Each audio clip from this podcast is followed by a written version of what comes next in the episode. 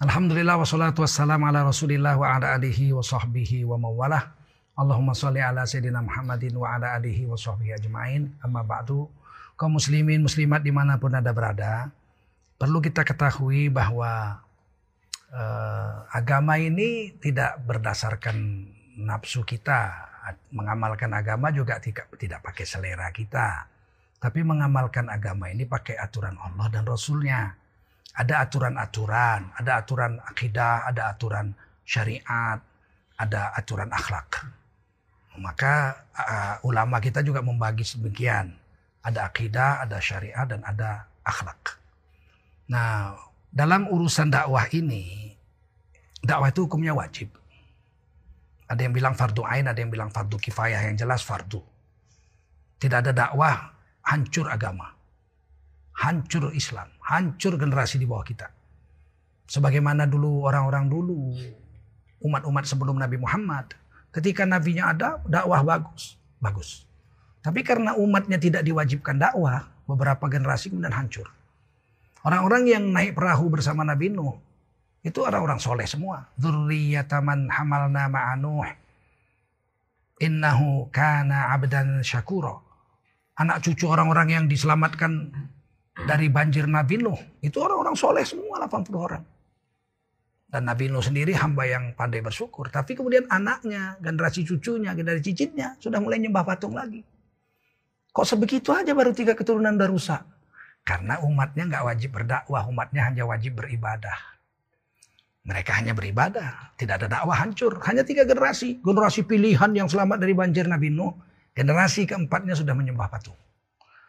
Nah, tetapi umat Islam Indonesia dan umat Islam, umat Nabi Muhammad seluruh dunia itu bukan umat ibadah saja. Ayatnya dua berturut-turut. Yang pertama, wadakir fa inna faul mu'minin. Dan berilah peringatan karena sesungguhnya peringatan memberi manfaat kepada orang beriman. Baru yang kedua, wa ma khalaqatul jinna wal insa illa liya'budun. Tidak kujadikan jin dan manusia kecuali untuk menghambakan diri menyembahku. Dua. Jadi dakwah dulu, memberi peringatan, baru kemudian ibadah. Nah, oleh karena itu kita wajib melakukan dakwah dan dakwah yang dipakai oleh jemaah tablik itu adalah dakwah yang diajarkan dari Maulana Ilyas.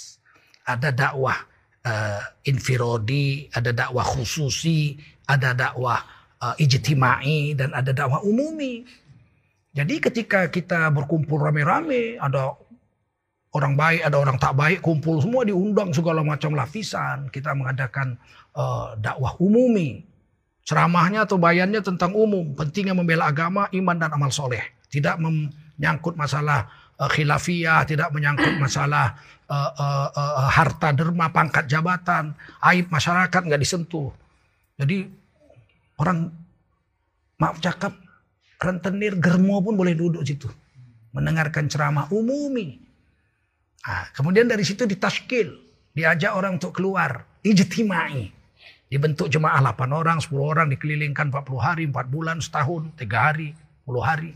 Ini dibuat ijtimai. Setelah umumi dipersempit menjadi ijtimai. 10 orang, 8 orang, satu jemaah dakwah 40 hari, 4 bulan, dan setahun dan sebagainya. Nah di dalam itu ada khususi. Nanti pagi-pagi selesai sarapan pagi kita datang atau selesai sholat subuh datang ke rumah orang-orang kampung dua orang, dua orang jemaah yang yang keluar dakwah itu menjumpai tokoh-tokoh bicara tentang pentingnya iman amal soleh itu khususi. Dan ada yang ijtima, ada yang infirodi. Kita lagi naik bus atau menuju kota lain pindah dari jemaah ini dari masjid ke masjid. Di sebelah kita ada orang duduk, kita nggak kenal, kita kenalan, kita cerita pentingnya iman amal soleh itu dakwah pribadi infirodi. Ini sudah diajarkan oleh Maulana Ilyas. Nah, yang masalah itu adalah ketika ijtimai sedang khurut, sedang keluar. Ada amalan memakmurkan masjid, eh, eh, ada amalan musyawarah, ada taklim eh, dua setengah ke tiga jam, kemudian ada sholat berjemaah, kemudian ada bayan, pikir iman dan amal soleh, segala macam itu dijalankan di masjid-masjid. Banyak masjid sudah menerima. Beda ketika kami dulu awal-awal sekali ikut jemaah tablik di tahun 1988, itu hampir semua masjid menolak mengusir. Kita diusir tengah malam juga pernah. Dia tangkap polisi, dibawa kantor polisi, di penjara juga pernah. Tetapi sekarang agama sudah luas, orang sudah banyak mengerti. Majelis Ulama Indonesia juga sudah membantu, tidak mengeluarkan fatwa sesat kepada jemaah tablik ini sungguh bantuan luar biasa. Akan tetapi di dalam keadaan-keadaan tertentu memang uh, jemaah tablik ini harus mengerti juga kita sebagai jemaah bahwa masjid itu tidak bisa menerima. Misalnya masjid sedang perbaikan, WC-nya nggak ada, lagi dihancurkan, dibikin baru, ya dia nggak terima bukan karena marah, tapi karena keadaan masjid tidak munasib, tidak mem memungkinkan untuk menerima jemaah. Atau ada di kampung itu sedang ada musibah, ah, ah, masjid dipakai untuk uh, misalnya tahlilan tiga hari karena imam masjidnya wafat, sehingga pada jemaah datang nggak bisa diterima karena tiga hari itu full. Ada mukhataman Quran, ada baca yasin, ada doa berjemaah segala macam tradisi di kampung itu ya kita paham, kita cari kampung lain. Nggak bisa ngotot ini dakwah wajib diterima. Hmm. Ya sedangkan sholat aja bisa gugur sholat berjemaah karena ada uzur. Sholat Jumat boleh nggak ada uh, uh, uh, di, diadakan Jumat tidak tidak ada Jumat kalau ada uzur. Kenapa pula yang seperti ini kita harus membenturkan? Antara kepentingan agama dengan kepentingan agama yang lain misalnya. Nah, di khusus masalah COVID-19 atau virus corona ini, Majelis Ulama Indonesia telah mengeluarkan fatwa untuk menutup masjid dari sholat Jumat. Khususnya wilayah-wilayah merah. Dan sekarang sudah hampir seluruh Indonesia sudah kena. Kita tidak tahu lagi sekarang gimana kita mau bicara. Sehingga ditutuplah masjid ini untuk sholat berjemaah. Bagaimana kita? Ya kita di rumah masing-masing. Muazin bagaimana azan? Azan tetap ada. Zaman Rasulullah juga pernah terjadi wabah. Azan tetap ada. Ada hujan lebat berbahaya orang di jalan semua batu-batu bisa gelondong sebesar-besar gajah. Sehingga orang yang keluar dalam hujan lebat bisa terbunuh dengan batu. Sayyidina Bilal tetap azan. Cuman azannya ditambah lafaznya. Sallu fi rihalikum. Sallu fi rihalikum. Allahu akbar, Allahu akbar. La ilaha illallah. Salatlah kamu di rumah masing-masing. Memang diumumkan. Nggak ada yang protes datang Sayyidina, Sayyidina Bilal. Dibilang kamu menghalangi agama. Nggak ada. Sayyidina Bilal dipukuli. Nggak pernah ada orang mukuli Sayyidina Bilal. Karena ini memang begitu hukum Islamnya. Nah dalam keadaan ini, Alhamdulillah Menara Saat sudah mengeluarkan statement juga. Taati amir kamu di negerimu masing-masing. Kan atiullah wa atiur rasul wa ulil amri minkum. Ulil amri kita sudah mengambil keputusan sesuai dengan fatwa Majelis Ulama Indonesia. Yang diputuskan secara ijtimaiyah. Ulama-ulama dalam komisi fatwa itu bukan satu orang dua orang. Puluhan orang bersidang, berdebat di situ, sudah keluar keputusan. Pemerintah menjalankannya. Terus kita mau taat sama siapa? Pemerintah yang mentaati ulama nggak kita taati siapa? Gairah. Gairah itu tanpa ilmu ditolak. Allah. Jadi ilmu tanpa gairah juga lemah. Jadi kita harus bergairah tapi dengan ilmu. Kalau tidak dengan ilmu amal kita nanti rusak. Oleh karena itu, mari kita satukan hati, tenanglah.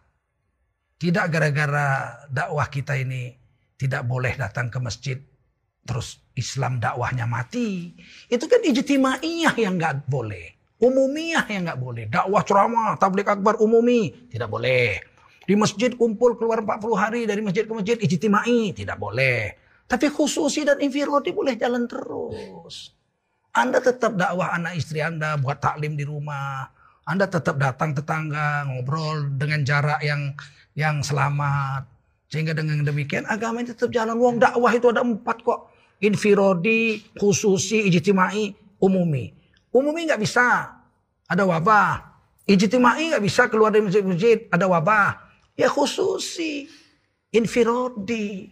Amal ini ada dan ketika kita nggak kita kita nggak keluar ada amalan yang kita buat di intikali kita di tempat-tempat kita sendiri tinggal. Bukan berarti agama itu berhenti dakwah enggak. Dakwah itu tidak mesti di masjid saja. Nabi sendiri waktu pindah ke ke Madinah kan masjid belum ada. Belum ada masjid. Nabi dakwah juga sampai Masjid Nabawi dibangun. Jadi oleh karena itu saya pesankan kepada semua jemaah tablik di mana pun anda berada, ikuti pesan Maulana Saat Amir kita. Taati Amir kamu, pemerintah kamu yang menjalankan fatwa selama ini. Dan jangan kita hinalah BKM mereka pun susah payah juga untuk agama ini. Iya, mereka susah payah. Mereka berhutang untuk bangun masjid.